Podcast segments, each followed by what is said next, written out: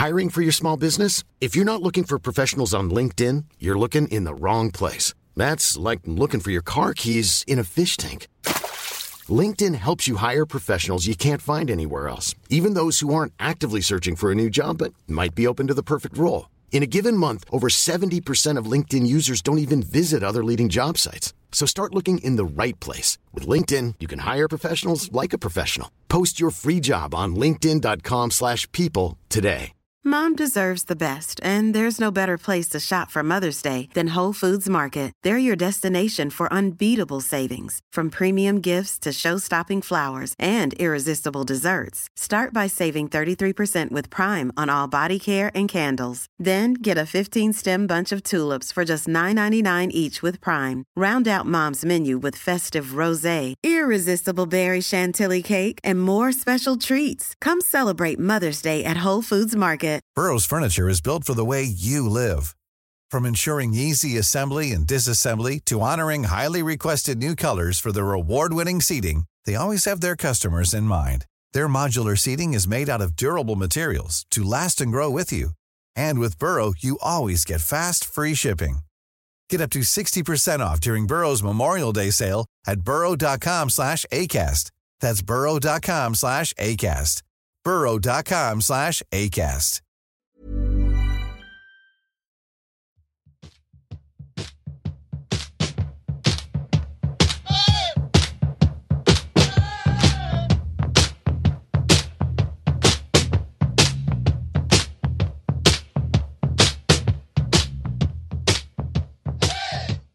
Halloj och hej och välkomna tillbaka till poddplats Å. En podd om hockey i allmänhet, sport i allmänhet, men Björklöven i synnerhet. Så är det bara. Hur är det med dig Nicke nu för tiden? Du, det är ju fina fisk. Lite kallt är det, lite bistert. Det är bara 5-6 grader ute, så att det är väl lite kallt och bistert sådär. Men annars är det bra. Jag har varit iväg och kört ett, ett pass med laget ikväll och eh, nu har vi varvat upp med lite mera löpning, mindre styrka och mera löpning och lite intervaller där på schemat. Så det var kul. Var en, en liten skara ikväll, men men väl föredömen och visa de övriga hur det går till. Så att det var. Det var kul. Bra fart och, och så där. Så det var. Det var gött. Hur är det med dig? Jo, men det är bra.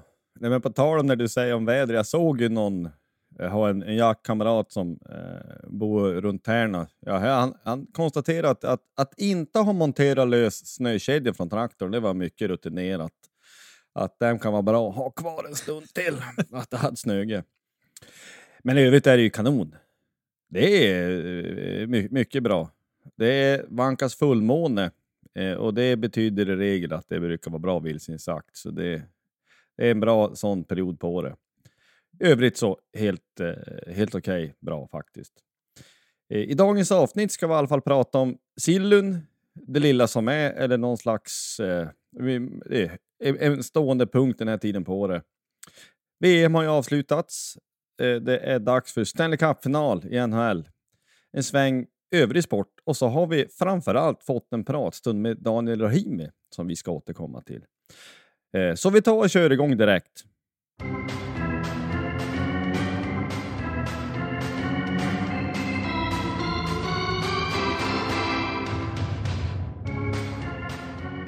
Silly season eh, är ju fortfarande stilla lugnt i meningen att eh, vi har inte värvat någonting.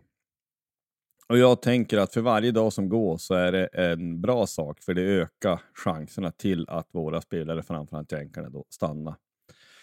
Eh, och de plattor som ska in, vi har inte fullt upp än, det är ju också avhängigt hur det hänger ihop. Så att vi är ju lite grann så att säga limbo i någon knapp månad till. Eh, men vi fick ju i alla fall se en intervju med Kente på deras eh, kanal på Solid Sport. Vad har vi och du för kommentar till den? Nej, men det var väl rätt väntade svar från de frågor han fick av Baudin. Eh, så det var väl inget, inget som stack ut så där tycker jag. Heller, men jag, jag hade hoppats att han skulle säga vi letar en rightarback. Det hade väl gjort mig lite gladare. Så, men eh, i övrigt så. Det, det är väl lite så här.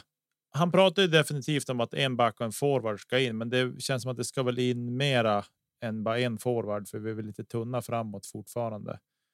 Eh, så där, så att eh, ja, vi får väl se vad som vad som ramlar in. Jag hoppas på att det ramlar in två bomber, en på backen och en på forward skulle jag vilja se till. Alltså jag tolkar det ju så, eller tror jag att det är så, att när han specifikt då, ja men som du säger, en back, en forward, ja men då är det ju eh, som han uttryckte på något sätt att ja, men det är spelare som ska liksom göra laget bättre, alltså spets. Mm.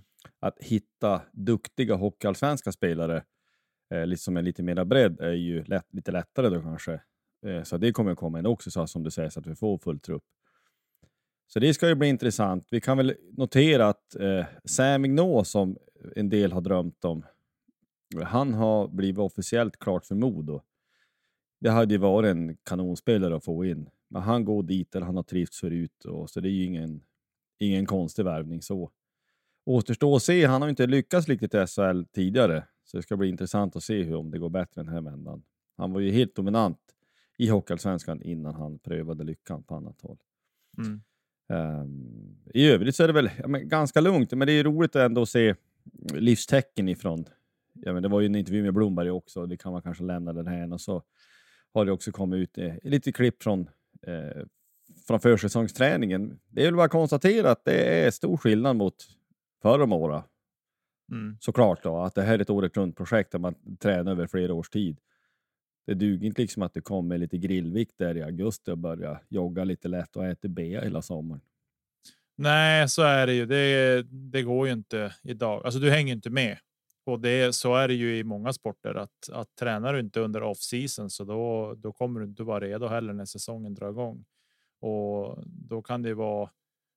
Att det går för lång tid och framförallt inom fotbollen som bara har dragseriespel liksom. Där är det ju.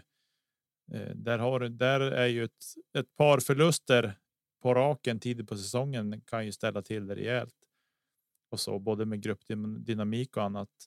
Och inom hockeyn har vi väl. Så där, ja, det är klart att man kan sabba stor del av säsongen tidigt, men det känns som att det finns ett par livlinor som är, är lättare att ta i. Men som sagt, ska man gå upp, gå långt och gå upp så då är det att hålla i. Inte någon lång vila och så där. Och jag gissar ändå att det kommer att vara. Eh, bli något lite mindre lätta lättande på träningen under deras semesterperiod i juli. Då. Eh, så, men eh, det är bra att de kör på och kör hårt och kör tufft. Liksom. Jag tror att det blir en. om skulle det bli en liten uppförsbacke efter efter semesteruppehållet så kom det ganska fort då och liksom käkas igen så att säga. Och att de kommer vara i form. Men det är klart, ju mindre du kan spilla bort så ju bättre är det ju såklart. Ja, men det är väl också att det är, det är du då får också gräva lite i motivationen, alltså, men tänka på hur surt det var att stå där och inte ens få spela final eller ens och ens, men inte få spela final. Att ja, men då kör du några reps till Ja, och tar lite till så att då har man tillbaka det. exakt. Ja, men vi får fortsätta följa upp det här. Vi väntar ju som sagt hela tiden på att det ska eh, dyka en spelare, men det är ingen panik. Och nu tar jag det här bara från på volley här. När dök jänkarna upp i fjol? Alltså Poli, Schilke och Fortier. Jag minns inte. Eh, Fortier och Poli var väl med. Tidigt va? Och Schilke kom senare. Jo, nej men alltså när, när värvningen blir klar, för den vart väl ungefär samtidigt vill jag minnas. Oj, eh, det kommer jag inte ihåg faktiskt. När de var klar. Det minns jag inte alls. Nej. nej, men det var ju... Ja, jag minns att vi pratade om det vid något tillfälle under semestern i fjol, alltså i juli, men då kanske det hade varit länge. Ja, nu blir det väldigt sitta här och gissa på volley, men det är ju inte så att de dök upp direkt när säsongen var slut, utan det gick ett tag i alla fall. Så måste det ha varit. Men vi, vi lämnar silly season och så går vi vidare och pratar lite VM. Jag vet inte om det finns så mycket att säga. Kanada vann final mot Tyskland. Såg du överhuvudtaget någonting? Jag såg faktiskt lite grann av den matchen. Nej, jag såg ingenting. Alltså när Sverige åkte ut så såg jag ingenting efter det alls. Ja, för i en sån här final, där håller jag ju stenhårt på Tyskland, givetvis. Alltså, Ja. Man gillar ju en, en grov underdog. Likadant, jag, alltså, det, det är klart att man vill att Sverige ska gå långt, men jag, eh, när nu Lettland gick vidare så, med våran koppling till Sasha och, eh, och andra eh, lettländska spelare vi har haft, så höll man ju stenhårt på dem. Men att det inte skulle räcka till var väl ganska uppenbart. Men de tog ju ett brons i alla fall, det är ju, det är ju superbra gjort. Mm. Eh, första medaljen de har tagit vad jag förstår, så det är ju det är otroligt. VM behöver ju reformeras, det tror jag andra har varit duktigare på att uttrycka. Eh, det behöver eh, liksom på något vis uppgradera landslagsspel och, på, och det be, då behövs det ju turneringar med bättre status än VM. Mm. Det är väl tjatat om på längden och på tvären, men att spela VM varje år, vilket man ju kommer att göra så länge det är en kassako för internationella hockeyförbundet, vilket VM är. Mm. Eh, Men det, det tar ju ner lite i status. Ehm, Så att det får man, ja, det får man ta för det. Jag tror också att de senaste åren, det märker man också på det lag som Sverige hade, det var ju ganska många nej från NHL. Eh, Och, och det var väl inte riktigt så. Alltså, tacka Mats Sundin, ja. Då tackar alla andra ja också. Mm. På något sätt. Utan han behövde bara skicka ett sms att följande gäller, du kliv på plan och så blir det så. Mm. Eh, Så att man behöver de allra bästa som är med. Så. Jo, och här en liten parentes.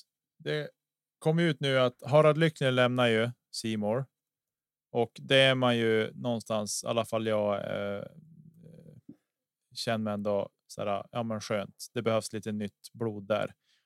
Men en av få saker man är överens med honom om, det är att hockey-VM har blivit en B-lagsturnering. 100 procent. Så det får man väl ändå så. vara tacksam att han ändå visar att man kan vara överens med honom om någonting någon gång. Ja, nästa år så går VM i Tjeckien säger jag och 2025 så delar Sverige och Danmark Just det. på det. Eh, 2026 där är det OS i Italien och då verkar det inte ska vara någon VM. För det vissa år har ju varit både VM och OS. Sista ordet är väl kanske inte sagt där, det törs jag inte säga. Men eh, det är så Nej. planeringen är. Nej men så är det, det har ju blivit, det har ju blivit så. Ehm, och det tror jag vi, vi och tusen andra har nämnt också att drömmen i hockey som hockeyspelare nu för tiden, eller sedan länge, är ju inte att spela i Tre Kronor för en svensk, utan det är att spela NHL. Mm. Så var det inte för 20 år sedan. Nej. Eh, Och kanske inte 15 heller, eller det kanske det var, men det, för ett antal år sedan var det inte så. Nu är det så. Ja, men vi hoppar vidare. Vi gratulerar väl eh, Kanada till VM-guldet, typ. Vann gjorde de i alla fall. Och så Ja. pratar vi vidare. NHL däremot. Dags för final. Det är Vegas Golden Knights som möter Florida Panthers. Eh, vi kan konstatera redan innan finalen har spelat en enda sekund, det är att det kommer att bli en ny mästare. Inget av de här lagen har vunnit någon titel tidigare. Båda har varit i varsin final. Florida Panthers 96, när de förlorade mot Colorado. Och Vegas Golden Knight, den första säsongen de var med. Men då var ju då när Washington med eh, Niklas Bäckström i spetsen slog ju de där då. Mm. Ja, det är fem år sedan eller när det kan vara. Ja, det var innan pandemin i alla fall. Ja, det må ha varit när det vill. Det borde man kanske ha bättre koll på, men man kan inte alla år utan till. Men vad, vad tror vi om det här? Det här är ju den roligaste sporten som finns. Det är, eller roligaste hockeyn. Ja, vad ska man tro? Alltså. Det, det var ju. Vegas hade ju 3-0, men släppte upp till 3-2 i matcher innan de stängde ner fullständigt med 6-0 i match nummer 6. Ja. Eh, så här, Kul. Alltså för mig blir det ändå lite någonstans så här. Ja, men jag, man håller lite en svag tumme för Florida ändå. För att de har varit med i ligan längre. Det är väl lite så jag känner. Alltså, de har ju varit i ligan i 30 år. De är väl 30 år gammal. Klubben är väl 30 år. Så att jag tycker väl att eh, det kanske är deras tur den här gången då. Vegas tycker jag det har gått lite för fort där med deras framgång och de har ju fått. Det är lite fuskbyggt att de fick plocka en hel del spelare från liksom från andra klubbar bara rakt av så där. Så att, men eh, ja, det är ligaupplägget som eh, de har varit att göra så. Så att jag håller väl en liten svag tumme för Florida Panthers och att dessutom att de har imponerat så fruktansvärt i slutspelet. Ja, nej men de är ju båda expansionlag då givetvis. Eh, men regelverket förändrades ju under tid. Alltså, det var ju några lag under några år som kom in där i samband med Florida Panthers. Hade Ottawa kom in där också till exempel. Eh, när Vegas kom in så, så jag tror att de hade fler spelare i varje lag att välja på. Eh, så att det var ju, det, det ser man inte minst på, på Seattle Kraken nu då, som är det senaste eh, expansionslaget. Att, ja, men det är ju man säger, andra och tredje linjespelare man har fått välja på. Och lite så var det för, för Vegas också. Att de hade en bättre pool att ta utav. Nu har inte det någon som helst bärighet på Florida Panthers idag, men det var inte riktigt så då. Ehm, när eh, de byggdes ut och Arizona då, och alla de lagen. Men det måste vara. Florida har ju senaste 12 matcherna så har de vunnit 11 och förlorat en. Mm. Så det är ju det här. En stor fråga är ju, har de kvar momentumet in i finalen? Ehm, I och med att de svepte i sin semi så har ju de haft spelledigt tio dagar när första finalen spelas. Den spelas på lördag. Mm. Så frågan om det är, kan uppfattas vara för länge eller om det är bara, det är ingen fara, det är bara kör. Alltså, jag känner spontant känner jag väl att eftersom att de har ju haft eftersom de har vunnit så mycket som de har gjort. Alltså, de har förlorat en enda match. Så de har en match i det som har gått till fem matcher. De andra är liksom. Eh, Ja, 4-0. första mot Boston gick ju till sju, men, men ändå. Ja, precis. Eh, men det Efter så här, det. efter det så har de och då har de ändå de har fått haft längre vila ändå. Och därav så känns det väl som att ah, jag tror att de kommer hantera det där. Men det är klart att det kan vara alltså matchtempot kan ha runnit ur lite grann och lite sådana saker. Men jag tror att man måste hålla isär tempot och momentum från varann. Ja, så kan det ju vara. Så kan det absolut vara. Nej, men tittar man på lite stats också så båda har ju eh, bra målvakter. Det är ju, det är ju som har den, den mest öppna dörr man ska sparka in. Sergej Bobrovski har ju fått någon slags ny vår. Han har 93,5 i räddningsprocent det här slutspelet, så han är ju en stor del i varför man har gått till final. Han har ju eh, stulit matcher, Mm. eh, flera stycken. Men eh, de har ju en, en yngre målvakt då, Vegas, Aiden Hill, som de fick via en trade då tidigare och han har 93,7 procent, så han har ju också varit fruktansvärt bra. Mm. Spontant så skulle man väl säga då, att ja, då blir det väl målsnålt. Ja, bara för att man skulle säga så, då blir det väl så här 6-4 i första matchen eh, eller någonting. Så man vet inte. För de har ju, båda har ju, eh, liksom, vi har ju nämnt Matthew Kachak tidigare. Han har varit väldigt bra, men det är också Carter Verhage som är och sniffar på nästan en poäng per match och Alexander Barkov också är ju där i Florida då. Men i, i, i Vegas så har Jack Eichel varit helt grym. Han har 18 poäng på 17 matcher. Jonathan Marchessault har också en poäng per match. Barbachev och Mark Snow, Stone har också nästan en poäng per match. Så att, eh, de, båda har ju på något vis inte den här sinnessjuka eh, liksom Edmonton-spetsen. Men det såg man ju också att men, de har ju en fruktansvärt offensiv spets, men det, det är ju ett helt lag som ska leverera. Mm. Eh, och de kan ju inte spela alla byten så att man, man, man har eh, ruskigt bra framåt. Eh, och det är ju liksom de två bästa lagen just nu, det är helt uppenbart. Givetvis är det ju så i och med att de är i final och allt det där. Nej, men det ska bli intressant och så gammal man är, man blir ju ändå sugen att följa matcherna live, inte bara se saker och ting i efterhand. Så det får man se hur det blir med det. Men det eh, vad tror du då? Alltså, är det Floridas eh, momentum mot Vegas? Alltså, man kan väl säga så här också. Vegas var ju i final relativt nyss, så det är ju flera spelare från det laget som var i final som fortfarande är kvar. Så att de har ju det i närminne någonstans att de visst, de, man vet vad som krävs och vet hur otroligt surt det är att förlora Mm. en final. Så det kanske man kan ta med sig någonting utav också.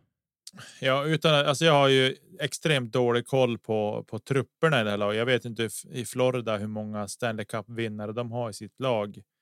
Eh, tillbaka så att säga om de har några som har vunnit där.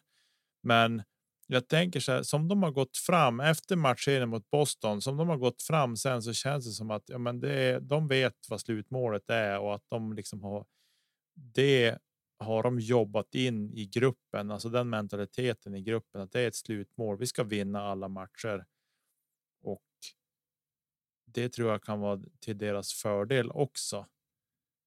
Eh, men det gäller ju att våga vinna. Det, det är det som är. Det är klyschigt, men ack så sant att våga vinna. Våga vara obekväm. Så att. Eh, jag vet. Men jag tror. Jag tror att Florida tar det. Och med det sagt så kommer Vegas att vinna. Då. Ja. Eh, ja men plus minus säger kanske inte så mycket, men någonting säger det. Det är fem spelare totalt i Florida som har överhuvudtaget minus i just plus minus statistiken, men det är ingen som har minus i Vegas. Det är tre stycken som är plus minus noll, annars är alla på plus i övrigt. Mm. Eh, och vad det vill säga, det är nog inte jag människa att eh, dissekera mer, men jag konstaterar bara att så är fallet och tänker att eh, det kanske har med någonting eh, i någon slags total bra defensiv som, som Vegas har. Eh, I den här 6-0 matchen så sa väl var det Dallas-coachen att alltså det var bara på vis den här sista 6-0 att då hade de bara bestämt sig. De la in en växel till och det kunde inte Dallas svara upp på. Eh, så det, är ju, ja, det ska bli superintressant att se ändå. Man gillar ju en underdog. Florida som halkade nästan in i slutspelet på ett bananskal och sen så kör de bara. Mm det finns ju en viss likhet. Vi tar en från vänster här bara på volley. Att I, i NBA-slutspelet så är det Denver Nuggets som spelar sin första final, men de möter Miami Heat som på samma sätt kom in eh, sent i slutspelet. Det var ju bland de lägst rankade lagen som bara har hittat någonting och det är ju ännu mer unheard över basket. Um, att eh, de som är lågt rankade kan gå långt. Mm. Så man gillar ju underdog, i den mån Florida är en underdog, men de är ju det, det i alla fall när man tittar in i slutspelet från början. Alltså mm. att de överhuvudtaget ska kunna överleva mot Boston. Det är ju san det är fortfarande sanslöst. Boston hade 3-1 i matcher. Det är, det är sinnessjukt. Det är det. Mm. det är så och dessutom var det så sjukt dominanta genom hela grundserien också. Ja, men framförallt det. De, var ju, de gick ju inte att slå. Nej. Så men det, att, det är eh, sket Florida. Ja, Lyssna inte på det örat. Ja, men det ska bli intressant att se. Och eh, det hjälps ju inte att det är ju eh, någonting, ja, någonting. Det ska vara intressant för nästa avsnitt bara hur det ser till i den, den eh, finalserien. Mm. Men vi går vidare. Ja, men tidigare här så fick vi oss en, eh, eller jag, en, en pratstund med Rahimi. Och eh, det var fantastiskt roligt att lyssna till han. Han har ju pratat, han pratar lite grann, eller vi pratar lite grann om det som var inne på det här med försäsongsträning och lite sånt. Eh, kanonkille och jag måste säga att eh, för alla, för alla, han har jägarexamen, bara en sån sak. Du hör ju, det är en kanonsnubbe. Han, eh, ja, han jagar i samma, eller hans svärfar jagar, och jag jagar samma jaktlag. Vad nu folk ska göra den informationen vet jag inte, men det är, det, är man vill få det fört till protokollet. Men Samtalet med Rahimi, det lyssnar vi på här. Cool fact a crocodile can't stick out its tongue. Also, you can get health insurance for a month or just under a year in some states. United Healthcare short term insurance plans, underwritten by Golden Rule Insurance Company, offer flexible, budget friendly coverage for you. Learn more at uh1.com. Hi, I'm Daniel, founder of Pretty Litter. Did you know cats tend to hide symptoms of sickness and pain? I learned this the hard way after losing my cat, Gingy. So I created Pretty Litter, a health monitoring litter that helps detect early signs of illness by changing colors, saving you money and potentially your cat's life. Pretty Litter is veterinarian developed, and it's the easiest way to keep tabs on your fur baby's health right at home. Go to prettylitter.com and use code ACAST for 20% off your first order and a free cat toy. Terms and conditions apply. See site for details. Daniel Rahimi, välkommen till Poddplats H. Tack så jättemycket. Kul att få vara med. Hur eh, är läget med det? Eh, jo, men det är, det är bara fint. Vi är ju i lite av en uppbyggnadsfas med, med träningen här under sommaren. Och det är ju jag tycker den här tiden på året är ganska, ganska skön för oss. Man behöver inte tänka så mycket på hockey utan mer bara, ska man bara bli lite trött några, några gånger om dagen och sen, sen är man ju klar. Så det är ganska avkopplande för, för skallen i alla fall. Ja, det låter skitenkelt att vara elithockeyspelare. Man behöver bara prata ner sig lite så är det bra sen. ja, men det, det kan låta märkligt, men det är så där under, ja, men under säsongen så är det nästan nio månader av, eh, ja, då är det mentalt. Liksom man måste hela tiden vara, på tårna och vara laddad. Under sommaren då kan man som, då är det okej okay att, att vara trött och ha en sämre dag. Men, men under säsongen så får man jobba hårt för att liksom försöka vara på topp varje. Så det, det är ganska bra under sommaren ändå. Hur detaljerat är upplägget för er? Har ni liksom varenda dag sådär schemalagt mer eller mindre tills ni går på is? Eller hur funkar sånt? Eh, ja, men vi kör eh, nu. Vi har ju kört nästan hela maj då och eh, så kör vi hela juni tillsammans. Så då kör vi eh, ja, men två pass om dagen, eh, måndag till fredag. Schemalagt och allt, så det är ganska enkelt. Eh, man behöver bara ja, men som sagt, man behöver inte tänka så mycket. Man har allt på ett papper vad man ska göra och så har vi Stefan där som är till god hjälp för oss alla. Så att, eh, men sen under juli då får vi lite semester men då, då har man oftast ja, men, fem, sex pass som man liksom ska köra under veckan. Men då kan man styra det lite mer själv vilket är ganska skönt. Just det. Ja, men född 28 fjärde 1987. Det var ju för övrigt ett bra år att födas. Listad 190 lång och 98 pannor. Ja. Eh, har det alltid varit självklart att det var hockeyn som skulle bli grejen för dig? Mm, jag ska säga både ja och nej. Alltså jag föll ändå på hockeyn ganska tidigt och tyckte det var väldigt kul. Men eh, jag höll på med ganska många olika sporter som barn. Och jag tror inte jag tänkte så mycket fram tills kanske jag var sådär 10-11 år att det var just hockeyn som skulle bli. Men, men det växte väl på mig. Eh, sen är ju hockey, tycker jag, vilket jag tycker är så fint med det också, det, det tar ju mycket tid och man spenderar ju väldigt mycket tid med dem eh, man spelar med och alla runt omkring. Så det blev ju naturligt liksom att det, det slukade mycket tid och så tyckte jag det var roligt och då, då blev det ganska självklart att det blev hockey. Men då var jag nog sådär 12, 13, 14 år. Just det. Ja, men alltså, vi går väl eh, rakt på sak och riva plåstret. Varför gick vi inte upp? Och vad har saknats den här säsongen och kanske senaste, förutom tur? Mm. Nej, men alltså, eh, jag tycker det, det är en, en, fråga som, är, som man har funderat själv på väldigt många gånger. Både eh, en och två, höll jag på att säga, men säkert fler än så. Eh, nummer ett tror jag, det är små marginaler. Alltså det, dels så ska man ska alla bitar falla på plats. Och den uppfattningen och känslan hade jag när vi gick in i slutspelet. Det ska jag faktiskt vara väldigt rak och säga. Jag har nog inte känt så starkt under de tre åren jag har varit här i alla fall. Eh, som jag gjorde inför det här slutspelet. För jag tycker vi hade alla komponenterna för att gå upp och vi hade ett tillräckligt bra lag, eh, spelsystem som vi litar på och vi var i bra form. Men eh, så jag tycker Västerås-serien ändå var tycker jag inte var något snack utan där tycker jag vi spelade bra. Men eh, sen kommer det ner till de här matcherna mot Djurgården eh, och någonstans match tre, match fyra tycker jag de får momentum och vi klarar inte riktigt av att hantera det så bra som man kanske hade önskat. Så jag skulle ändå säga att match fyra där någonstans så tycker jag att det tippade över till deras fördel och vi fick inte liksom dit vi ville. Och det är ju många faktorer. Jag tror dels att på individnivå att vi inte presterade så bra som, som vi visste att vi kunde. Men, eh, och varför det blir så, ja, det, det är jättesvårt att svara på. Vi är ju 22 man liksom, som, som är olika individer. Och, och eh, det är ju små marginaler. Eh, och känslan var, tycker jag, till syvende och sist att vi liksom, som, som individer inte presterade så bra som vi kunde. Nej, och det, det här med små marginaler må vara en klyscha, men det är så fruktansvärt sant. Det är lätt att glömma mm. bort att det stod det 3-3 eller 4-4. Jag var på match 4 mm. på Hovet ja. och det vad är det då? 10 minuter kvar. Då har ju Polin ribban där. Mm. Ja, men precis. Alltså, en centimeter lägre och den går in och ja. Ja, då är det 3-1 i matcher eller till oss och då hade vi vunnit serien tror jag. Ja. Eh, så att det ja, och istället blir det då 2-2 och, och ja, Sen kan ni de andra den här historien, men, men det är så och det, man slås nästan varje år över hur, hur pass små marginaler det är. Sen, sen spelar vi ju sju matcher och de hade säkert också något läge som, som Björklöver är svår och man kanske glömmer bort och, och ser. Men, men, men,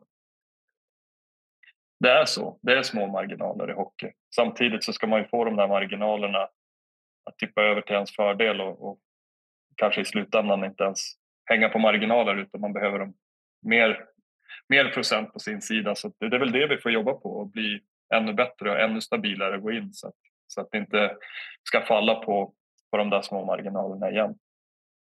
Nej, precis. Men om vi backar tillbaka lite grann. Säsongen 05-06 gjorde du A-lagsdebut. Minns du den förresten? Mm. Ja, vi pratade ju lite innan här om att man har spelat många matcher och vilka matcher man minns. Ja, jag minns den väldigt, väldigt väl. Det var Arboga borta. Eh, och det var, eh, det var jättestort för mig. Jag är ju med Umeåbo och man har växt upp med Björklöven och sen att få debutera med, med A-laget var ju någonting som eh, man hade drömt om. Eh, så att den matchen kommer jag ihåg väl. Jag kommer inte ihåg var den slutade men, men jag, kommer, jag kommer ihåg hur omklädningsrummet såg ut. Och, att det var väldigt kul. Ja, men precis. Och du gjorde, ja, du gjorde debuten 05-06, gjorde en hel säsong 06-07 och sen så blev det mm. eh, äventyr på andra sidan Atlanten. Och vad jag har räknat mm. till så gjorde du drygt 100 matcher i AHL. Som, om jag minns rätt så blev du draftad av Vancouver. Mm, eh, 100 matcher i AHL då drygt. Hur nära var det NHL? Vet du det?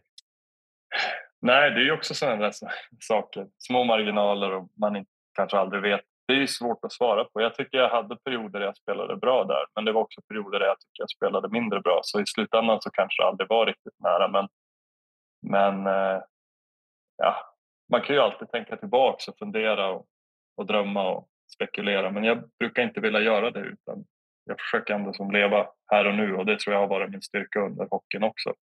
Ehm, det var ett jätteroligt äventyr. Jag lärde mig så fantastiskt mycket. Eh, det var nog där jag blev eh, ja, men som ett, ett proffs och kanske blommade ut som, som person mer än hockeyspelare, skulle jag säga. Jag måste ju säga också som, som jägare, Manitoba Moose, det är ett kanonnamn på ett lag, måste man ändå få, få ha sagt. Ja, det, jag håller med. De har ju världens, eh, eller hade då i alla fall världens coolaste logga också. Så jag har två tröjor tror jag som hänger inne i förrådet någonstans som jag brukar ta fram och kolla på. Det är ju ett eh, grymt coolt namn och, och eh, riktigt snygga matchtröjor också. Eh, en fråga. Vi har ju fått en lite, lite läsarfrågor eller lyssnarfrågor mm. menar så vi kan väva in mm. det. Men också en sak som jag tänkt. Alltså du och dina jämnåriga är ju i många fall att säga, barn till guldgenerationen i Björklöven. Är det något som man mm. reflekterar över och kan det ha påverkat många av er bli väldigt bra? Ja, men hade Lineryd och Nevalannis papper var tränare då. Hasse och Anton mm. Edlund, Patrik Alexander Sundström mm. och Ulf och Jonathan Lundström och Göte och Daniel Wällert. Mm. Man kan rabbla namnen liksom som helst. Men hur har du tänkt på det själv så? Eh, jo, men absolut. Jag tror att det, det var en bidragande orsak till att vi var en väldigt stark generation eh, som kom jag menar det året vi hade ju, ja men, det var tre i min klass som blev draftade från högstadiet, eh, eller gymnasiet ursäkta. Eh, och det är bara en sån sak kan ju aldrig någonsin ha hänt förut tänker jag. Eh, men mycket tror jag handlade om att vi hade ganska bra, nu spelade jag i Teg första, eh, mina första år som pojkspelare men eh, sen gick jag över till Björklöven och märkte ju att det fanns mycket kunskap, ursäkta, kunskap i väggarna så det var ju väldigt många som var involverade, även om de kanske inte var på isen och pekade så, så märkte man ju att alla var ju väldigt bra skolade i hur man skulle spela så jag tror man, man lärde sig den här skolningsdelen väldigt bra. Eh, så att det var ju otroligt eh, det är också sådana saker som vi var inne på, små marginaler och tur. För att man ska lyckas så krävs det att man har lite tur. Jag tror jag hade turen att vi var en väldigt stark och bra och talangfull grupp med bra människor runt omkring i föräldrar då, som kom från ja, tidigare karriärer. Ja, precis. Och sen så ja, men fortsätter man då karriären, kommer tillbaka så lite olika. Eh, jag menar SL-klubbar. Du fick ju så småningom vinna ett SM-guld. Det måste ju varit så magiskt roligt. Ja, nej, men det var väldigt speciellt. Eh, jag menar, har man spelat i SHL i jättemånga år och man aldrig liksom fått chansen att eller fått chansen. Man har aldrig tagit det där guldet som man ändå alltid har suttit efter. Så, så var det nog alldeles speciellt för jag hade verkligen också den målsättningen eh, när jag kom tillbaks från, jag hade varit i Sage då året innan och, och kände väl att eh, ja, men chanserna blir färre och ska jag ta ett SM-guld och, och, vara en bidragande orsak till att man gör det så behöver det liksom ske de närmaste åren och så fick, jag, så fick vi göra det och det var, eh, det var jättestort. Det är helt klart en av eh, höjdpunkterna i karriären att få, få, få det där SM-guldet och det var, nej, det var ju något alldeles speciellt. Vi hade ju ett otroligt lag som jag tror kan vara ett av de bästa SHL-lagen som genom historien om jag ska vara ärlig. Det var, eh, vi var väldigt starka. Så det var kul att få kröna det också och leva upp till de förväntningarna vi hade på oss. Fanns det någonting i något slags Lövenhjärta att ja, men avgöra i Skellefteå kanske inte är jättetråkigt ändå? Nej, men det, det ska jag inte sticka under stolen med. Det var, det var ju speciellt. Jag hade ju också dels mött Skellefteå många gånger med Björklöven både som pojkspelare men även A-lagsspelare. Eh, och klart rivaliteten har ju som alltid funnits där men sen tror jag att jag hade mött dem i slutspel med Linköping tre eller fyra gånger innan och förlorat. Så att det var för mig personligen var det ju eh, väldigt speciellt. Då. Och sen att vi fick göra det i Skellefteå och jag hade familj på läktaren och eh, ja, jag gjorde något mål där uppe också. Så det var ju väldigt, det var ju väldigt speciellt för min del och man är ju väldigt tacksam att man fick uppleva det. Ja, det förstår man. Också 12-13 gjorde du landslagsdebut. Vil, vilka var det mått då? Jag tänkte, minns du det? Eh, kan, ja, nu, nu kanske du sätter mig på pottkanten här. Men jag är ganska säker på, faktiskt på att det var eh, Tyskland eh, i Düsseldorf, tror jag. Jag tror att det, det, var då en av mina första. Eh, jo, nej, det var faktiskt, nej, så var det. Det var i, det var i Tyskland. Eh, sen fick jag ju chansen att spela fler matcher såklart och det var ju väldigt stort. Eh, jag kommer ihåg själv hur, hur, chockad, hur chockad jag var då Per Mård som var tränare på den tiden eh, ringde efter säsongen för jag hade nog inte en endaste tanke på att jag skulle få den möjligheten men så fick man det. Eh, och jag gick nog helt skakig hem från den fikan som jag satt med några kompisar och, och käkade. Liksom. Så nej, det var, det var ju väldigt speciellt. Har du någon aning om du var nära VM då? I Sverige var ni VM-guld 13 om jag jo, Ja, det, det, stämmer. Jo, jag var ju väldigt nära för jag var ju i Stockholm och eh, eh var ju med på alla matcher inför VM. Eh, var med i själva bruttotruppen då. Så jag var ju där i Stockholm och eh, var med. Men sen kom ju Sedinarna in, brukar jag säga. Och eh, tog över showen och då fick jag åka hem. Ja. så jag tänkte att det, det kanske inte hade blivit eh, VM-guld utan dem. Så att, eh, det, var, det, var, det var en bra förstärkning. Ja, som man minns det. Alltså jag följer inte VM lika nära nu som när man var yngre, men de var ju mm. väldigt dominanta som jag minns. Mm. Eh, nej, men det var ju fantastiskt. Du fick också spela ett VM sen. Då måste man också fråga ja. hur, hur var det? Eh, ja, men det är ju eh, jättestort. Det var för mig då hade jag ju ja, men som jag sa där året innan, eh, var med i själva VM-truppen men blev inte inskriven och fick spela matcher. Sen fick jag följa upp nästa år då, eh, med att spela ett VM och vara med liksom på hela den resan. För det är ju det är många landskamper under säsongen också och det är ju många landskamper som bygger upp inför VM så att det blir ju Alltså för de spelarna som ofta spelar SHL och kanske eh, kämpar för de där sittplatserna så är det ju liksom ett nålsöga att ens ta sig med och sen när man väl är med så ska man ju komma dit och också prestera. Så det är ju skillnad mot de här NHL-killarna som kommer in liksom och spelar ett VM. Det är ju för en kille som då spelar i Sverige så var det en väldigt lång eh, resa att ta sig dit. Så att man är ju otroligt stolt eh, att man fick, fick vara med. Sen hade jag ju lite otur då mitt första VM då jag eh, skadade mig, jag tror det var tredje matchen eller fjärde matchen och fick åka hem. Det var ju därför det inte var VM-guld heller. Ja, den gången kanske. Nej, eh, nej det, det, tror jag inte. Det var nog inte på grund av mig. Men eh, jag fick ju chansen året efter att spela VM och då fick jag göra hela turneringen. Och, så det, var, det var kul. Precis, men vi tar väver in lite lyssnarfrågor. Vi har Jack 10 år mm. som undrar vad har du för klubba? Flex och vinkel? nu kanske jag gör Jack lite besviken här, men Eh, jag tror att jag har 95 flex eh, och jag har någon Bauer-klubba. Det är ungefär så, så, mycket jag vet. Jag gjorde den där...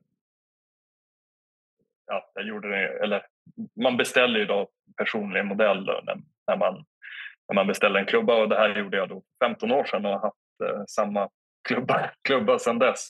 Att den är inte så, den är inte så um, sexig om jag säger så. Säger, är du ganska lättskött vad det gäller utrustning? Eh, ja, det, ja, absolut.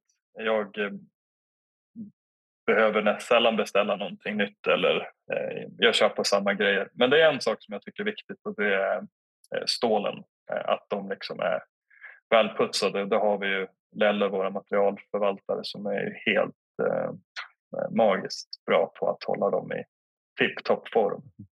Det är ju bra det. Och Jack fortsätter också. Har du något tips till en till tioåring som vill bli bäst på hockey? Eller man kan ju ställa frågan också. Vilket tips mm. hade du gett dig själv när du var tio? Eh, ja, nej men alltså jag tror absolut. I grund och botten så handlar det ju bara om att ha kul. Liksom att tycka att hockeyn är rolig. Att man vill på träningar och att man, man njuter när man är där. Jag tror allt det där andra det kommer komma för automatik. Men har man passionen och viljan, för det krävs ju också ganska mycket tid eh, och man är villig att lägga den och man gör det med ett leende på läpparna, då, då brukar man bli ganska bra till slut. Sen när man blir lite äldre då kanske man behöver lägga de här ytterligare extra timmarna på träning och, och, och nöta och sådär. Men, men jag tycker när man är tio år så då, då ska man bara ha så roligt man bara kan. Jag har också en fråga från Melker som är 11 år. Är du nervös inför matcher? Och om ja, är du mer nervös i slutspelet än i grundserien? Ja, det är en jättebra fråga. Jag blir väldigt eh, sällan nervös. Jag brukar säga det två gånger om året som man blir nervös. Och det är första matchen på säsongen. Det brukar alltid vara lite pirr i magen och säga så här. Och första slutspelsmatchen eh, av någon anledning. Eh, men det är väl, tror jag, känslan av att man går in i någonting nytt eh, när man inte riktigt vet vart det ska ta vägen. Då kan jag få lite pirr i magen och de gångerna jag får det pirret i magen så brukar jag alltid liksom få ett leende på läpparna för då, då känner man att man, att man bryr sig och att det fortfarande betyder väldigt mycket. Så den dagen man inte får det där pirret inför ett slutspel då kanske man inte ska spela det heller. Nej. Kanske knyta ihop det lite med en fråga som Ludvig Norberg ställer här. Hur tänker du kring liv efter karriären? Vi hoppas att det är länge kvar, men det är på något sätt andra halvan i alla fall kanske. Om man inte heter Jaromir ja. Jagr.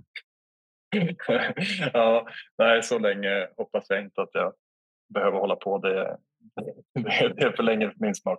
Nej, visst är det så. Det är på slutet av karriären och vad som händer efteråt har jag nog gått och grubblat på i många, många år. Eh, men jag har nog funnit ett lugn i det också. Att jag får, jag får ta det när det kommer. Jag känner eh, mig väldigt öppen för att göra många olika saker och jag tycker det är väldigt kul att jobba med människor så jag hoppas att jag får möjligheten till att, att göra det. För det är det jag liksom brinner för mest och det är nog det jag brinner mest för inom hockeyn också. Att få vara en del av ett lag och, och eh, ja, men, driva den här processen framåt eh, som, man är, som man gör i hockeyn hela tiden. Eh, det, det är nog det som jag tycker är min, en av de största drivkrafterna.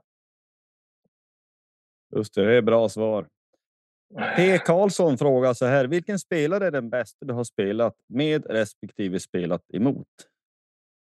Oj. Eh, alltså man har ju mött väldigt många duktiga spelare, men eh, jag skulle väl säga kanske den bästa jag har spelat mot måste vara Ovechkin då kanske. Sen om han var den bästa spelaren som... Han gjorde kanske inte sin bästa match den matchen men, men det är väl det största namnet så där som man har mött. Men så fick jag ju spela med Elias Pettersson i året vi vann med Växjö och han är nog den bästa spelaren som jag har spelat med och speciellt om man spelat med under tid som man verkligen få suga åt sig den skickligheten de har. Sen har jag ju spelat med många andra bra spelare men det kanske har varit kortare perioder i landslag. Eh, typ Oliver Ekman Larsson och eh, Louis Eriksson och ja, för att nämna några. Men, men att sett över tid så är det nog Elias Pettersson. Ja, det slutspel han gjorde där, det var ju ruggigt vill jag minnas. Ja, det var... Eh, nej, alltså det var som en saga i sig. Alltså han, det var häftigt att få se en spelare slå igenom på det sätt som han gjorde. Alltså att också få se det så där från nära håll, det var, det var otroligt. Han var helt fantastisk i det slutspelet. Det kändes som att han gjorde lite vad han ville eh, faktiskt. Precis. Vi fortsätter. Thomas Persson säger så här att den 22 mars 2013 då var du på borta sektionen i Himmelstalundshallen och såg Björklöven förlora mot Vita Hästen. Och han frågade ja. då, var du ofta såg Björklöven när de spelade i säg, södra och mellersta Sverige när du spelade i till exempel Linköping och Växjö? Ja, några gånger så, eh, så försökte jag komma och, och, titta när man hade möjlighet. Eh, framförallt innan vi hade barn. Kom, ja, när vi fick barn så blev det lite stressigare och man inte riktigt hann med. Men innan det så försökte jag se. Och jag var i Norrköping ett, ganska många gånger då jag var i Linköping och, eh, eh och såg Björklöven. Eh, det, var, det är kul. Jag har alltid varit ett Löven-fan och jag liksom ser ju det är, jag brukar säga att den enda hockeyn jag tittar på det är när Löven spelar. Så det, eh, det är ungefär så. Så det är lite synd, jag får inte få se det nu annat än efteråt när man går igenom video. Nej, men då har du också svarat lite på frågan här om du men följer annan hockey eller följer annan sport. Eh, nej, alltså väldigt, väldigt lite. Jag eh, såklart kan se någon match där i sällskap av andra, men jag skulle nog inte titta själv Eh, däremot så kan jag ju se typ fotbolls-VM och sådär. Så jag var nog väldigt intresserad av att titta eh, ja, men skidor för eh, när söndagarna var eh, latdagar så att säga. Nu har jag lite annat att göra då, men då, då var det mycket skidor. Ja, precis. Jag, jag ville slå ett lag för Degerfors och Stora Valla, klassisk fotbollsmark. ja, vi har faktiskt spelat med ett par Degerfors-fans. Så att, eh, eh, Degerfors faktiskt ja, Det hör man ju, det är bra folk. Ja. Eh, men eh, jag ska fortsätta. Där. Thomas Persson frågar, for, eh, frågar vidare här att hockeyn mm. har blivit snabbare de senaste åren på grund av att fasthållning och screeningar till exempel inte mm. tillåts i samma utsträckning. Och tacklingar bedöms också annorlunda än tidigare. Hur har det påverkat din spelstil över tid och karriär skulle du säga? Eh, jo, men väldigt mycket. Alltså framförallt så... Eh, jag tror om man ska kunna spela, om man ska ha en lång karriär så måste man kunna anpassa sig och det är svårt. Alltså skillnaden på hockeyn från när jag började spela och kanske framförallt mina första A-lagssäsonger kontra nu, det är som en helt, helt annan sport. Fast det är klart för mig då, som har spelat har det skett liksom långsamt och successivt. Men skulle man se en match från ja, men 05-06 och så ser du en match idag så är det helt annorlunda. Eh, så det är klart man anpassar sig och försöker göra vad man kan för att liksom hänga med i den utvecklingen som sker. Jag ser, har nog alltid varit ganska sådär nyfiken och, och, och flitig på att liksom försöka bli bättre och ta små steg och fortsätta utvecklas som spelare. Och där tycker jag såklart att det är svårt men jag tycker också att jag har till viss del lyckats. Det den spelstil jag har har ju kanske, ja men, om inte dött ut så i alla fall på väg att dö ut. Så att, då får man ju försöka plocka fram andra saker för att kunna spela, spela med alla andra. Ja, men det finns ju, ja, men det är ett bra exempel kanske. Det finns något klipp från, jag tror det är 2007 när du knövlade ihop någon stackars krake. Men idag mm. så, om man spöar upp någon på det sättet, idag så är det ju, jag vet inte hur många matchers avstängning, men det är ju rätt många. Men det händer ja. inte idag. Nej. Nej, absolut. Nej, men alltså, det finns liksom inte. Det är ju samma sak med tacklingar tycker jag. Eh, om man ska gå in på det så är det ju vad som var tillåtet för tio år sedan och vad som är tillåtet idag är ju... Alltså det går som inte att jämföra. Och antalet tacklingar går ju såklart också ner. Och det har ju varit en stor del av mitt spel. Så där får man ju verkligen försöka tänka till både en och två gånger. Och sen med det sagt så lyckas man ju inte alltid. Men men jag jobbar ju verkligen på allt jag kan för att försöka anpassa och framförallt ha någonstans i bakhuvudet och veta att idag är inte alla spelare medvetna på isen att man kan få en tackling. Men det tycker jag i alla fall är stora skillnaden från förr. Då visste alla om att en tackling kan komma. Mm. Ja, och det är en annan sida av men, tillvaron. Jag ska inte säga nu för tiden, men sen ett antal år man har sociala medier och världen blir mindre Mm. på ett sätt. Och, alltså, eh, Mattias Söderlund frågar hur, hur hanterar man all hat och hot och skit som jag menar faktiskt i ditt fall har ju till och med blivit Mm. så att det slutar med en, en, ett, ett rättsfall. Hur, Mm. gör man, hur, hur hanterar man det? Eh, alltså det för, först vill man ju börja med att säga att jag tycker bara det är förkastligt att det finns. Sen, eh, alltså, det är alltid lika tråkigt när det kommer till en. Och jag menar, jag har blivit utsatt personligen flertal gånger. Eh, och nu som du säger senast här blev det en rättssak av det. Och, eh, men det har ju varit både utredningar och saker som har liksom mm, Mm, bara aldrig anmälts heller. Men jag tycker förbundet och, och klubben och, och ligan gör ju vad de kan för att liksom stävja det här. Eh, men det är ju någonting man måste hantera och det är ju, har varit, jag ska inte sticka under stolen med att det har ju varit jobbigt både för mig och jag gissar många fler som har blivit utsatta. Så att man får ju dels ta stöd av sina vänner och, och kollegor och familj framför allt eh, i det. Men sen har vi som ett bra skyddsnät tycker jag kring Eh, Siko som jag tycker gör ett jättebra jobb med just de frågorna också. Så där får man ju ja, men professionellt stöd eh, om man behöver det. Men det är någonting man också i många fall måste söka själv. Så att, eh, som jag då, som är lite äldre kanske har lite lättare för att förstå att man ibland som hockeyspelare behöver stöttning utifrån från andra eh, kontra många yngre spelare som kanske har ja, men dels inte vågar och kanske tycker att det är skamligt på något sätt. Men, men eh, för mig har det varit till, till stor hjälp. Mycket, mycket bra. Eh, också en fråga här. Vem i dagens trupp skulle du se som en blivande ledande spelare? Alltså man tänker det här uttrycket kulturbärare.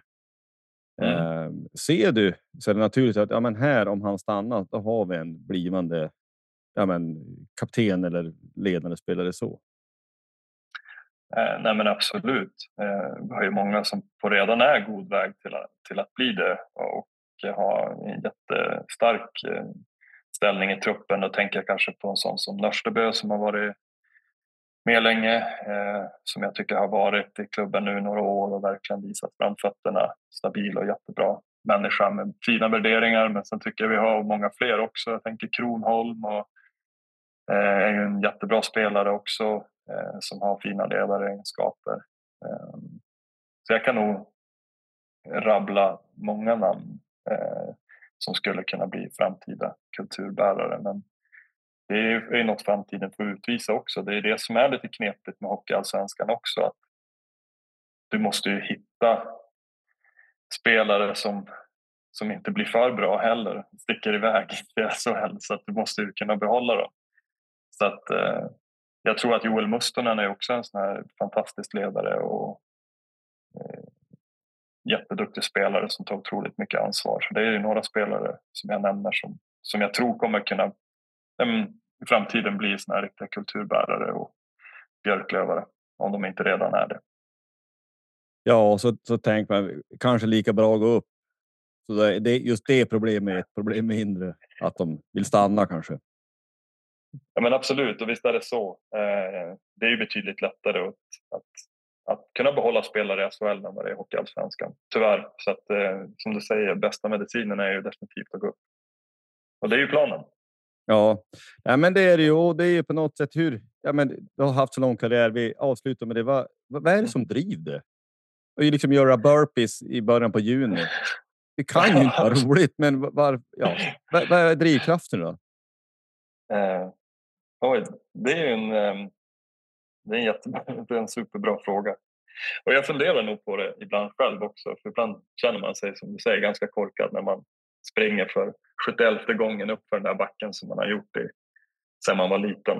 Eh, men någonstans så är min drivkraft såklart att det är ju att gå upp med Björklöven. Och det har det ju som, jag skulle säga egentligen varit sedan den dagen jag lämnade Björklöven eh, som, eh, ja vad var jag, 20-åring. Vi var ju ändå så här ganska nära att ta klivet upp vi spelade i kvalserien och tror vi slutade fyra och hade Ingen trodde riktigt på det men det var i slutändan inte så många poäng som skilde och jag känner, har som alltid känt att ja, men får jag den möjligheten till att ta det klivet upp så skulle jag kunna sova gott om natten resten av livet höll jag på att säga. Men lite så.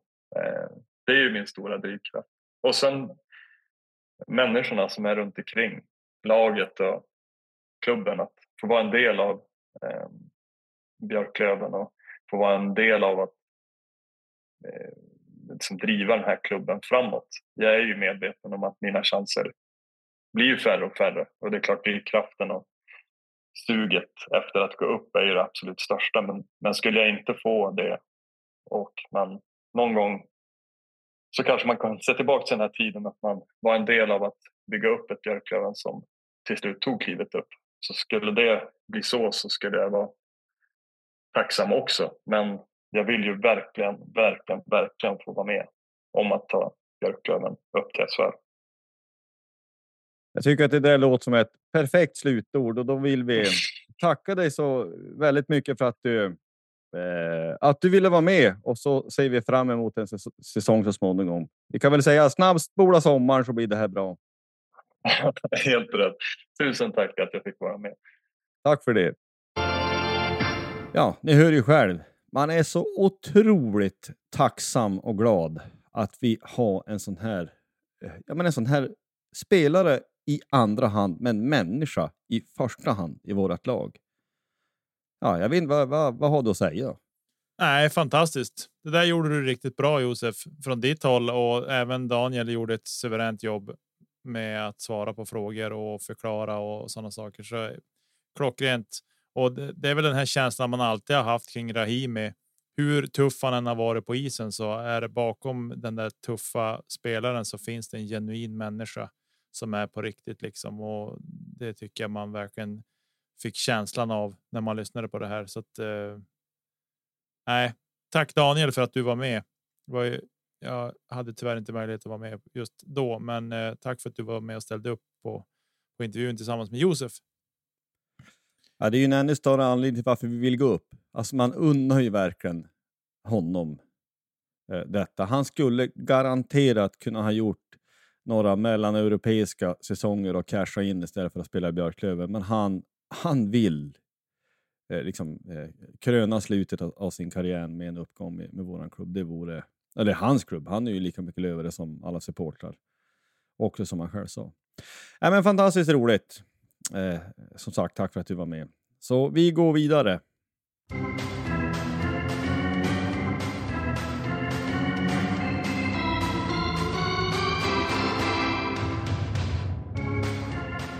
Lite övrig sport här. Jag var och eh, sneglade lite på eh, Stora Valla. Ett nesligt hemmakryss 1-1 mot Varberg. Eh, det var 11 minuters tillägg i andra halvlek. Vi får hoppas att eh, nummer 14, Oliver Alfonsi, överlevde. Har du sett det? Ja, tyvärr.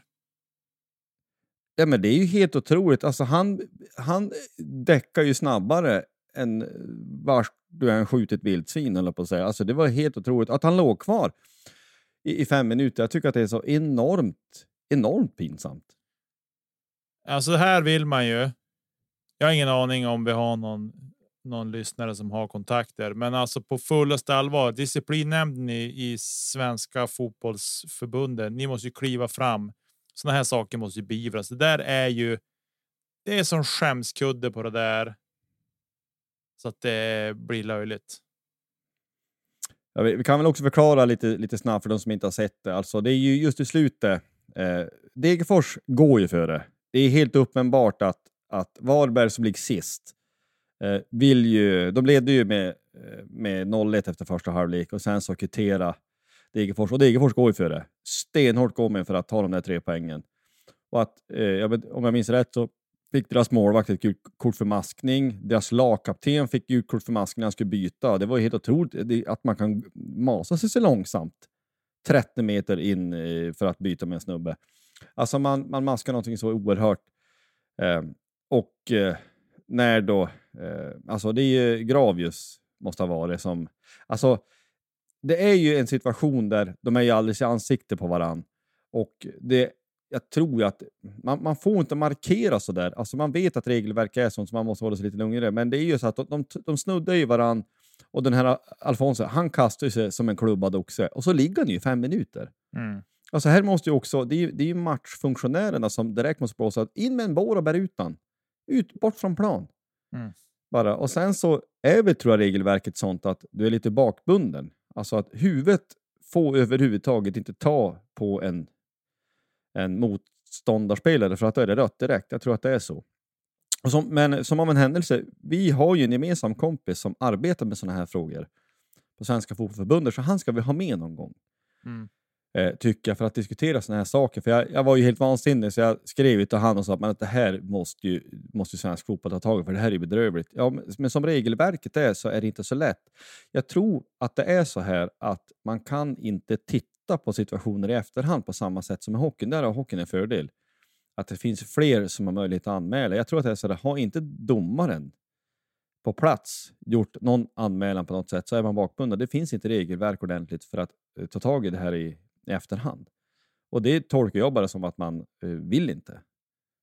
För att det blir så att ska du granska filmningar i fotboll, ursäkta, men då är det ganska mycket som skulle, ganska många retroaktiva gula kort som ska komma. Jag tror att man, man har inget val. För Nej. Det, där, det är bedrövligt. Så kan det ju vara, men det skulle kanske vara nödvändigt för att kunna stäva det här någon gång.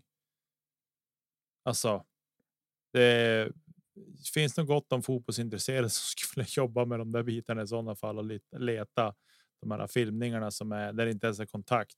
Och men det, det är säkert en kontakt, men att kasta sig till backen på det där sättet och sen ligga kvar. Nej, det nej, illa. Det ser riktigt illa ut, men vi behöver inte tjata fast oss i det.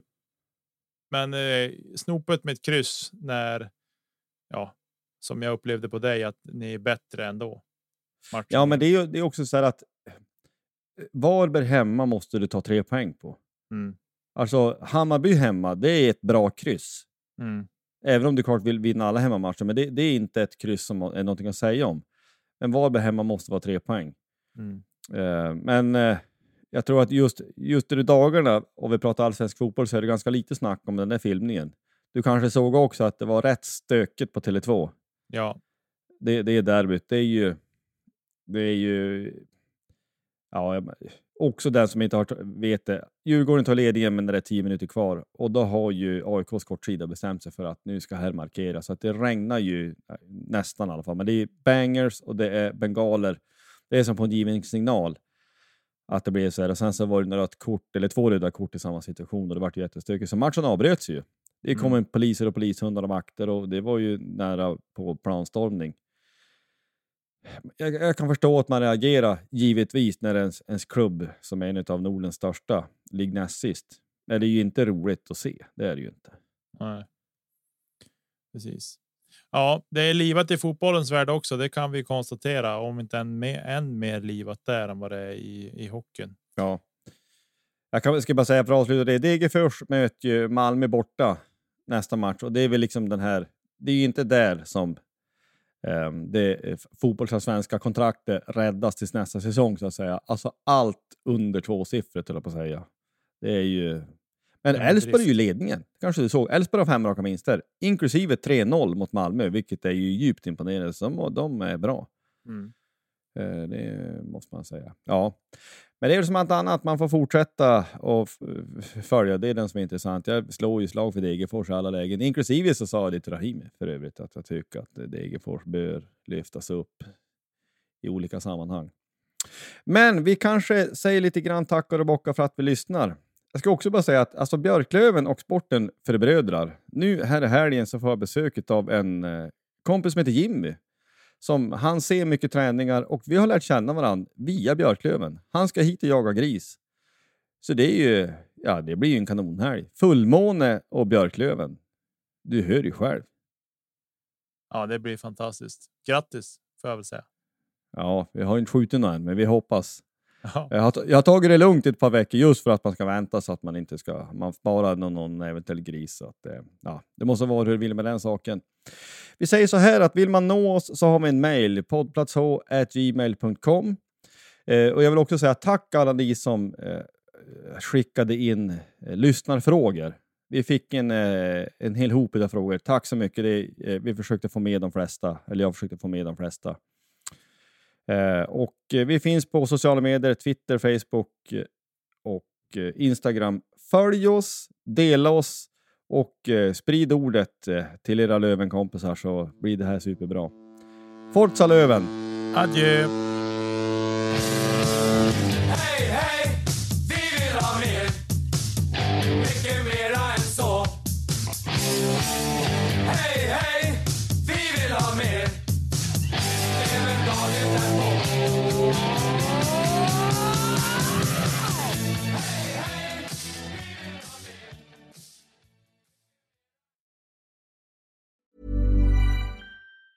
Hey, it's Danny Pellegrino from Everything Iconic.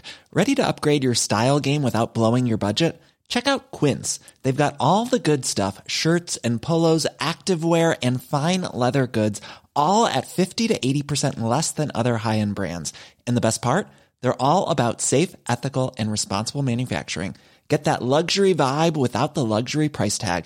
Hit up quince.com slash upgrade for free shipping and 365 day returns on your next order. That's quince.com slash upgrade. Hi, I'm Daniel, founder of Pretty Litter. Did you know cats tend to hide symptoms of sickness and pain? I learned this the hard way after losing my cat, Gingy. So I created Pretty Litter, a health monitoring litter that helps detect early signs of illness by changing colors, saving you money and potentially your cat's life. Pretty Litter is veterinarian developed, and it's the easiest way to keep tabs on your fur baby's health right at home. Go to prettylitter.com and use code ACAST for 20% off your first order and a free cat toy. Terms and conditions apply. See site for details.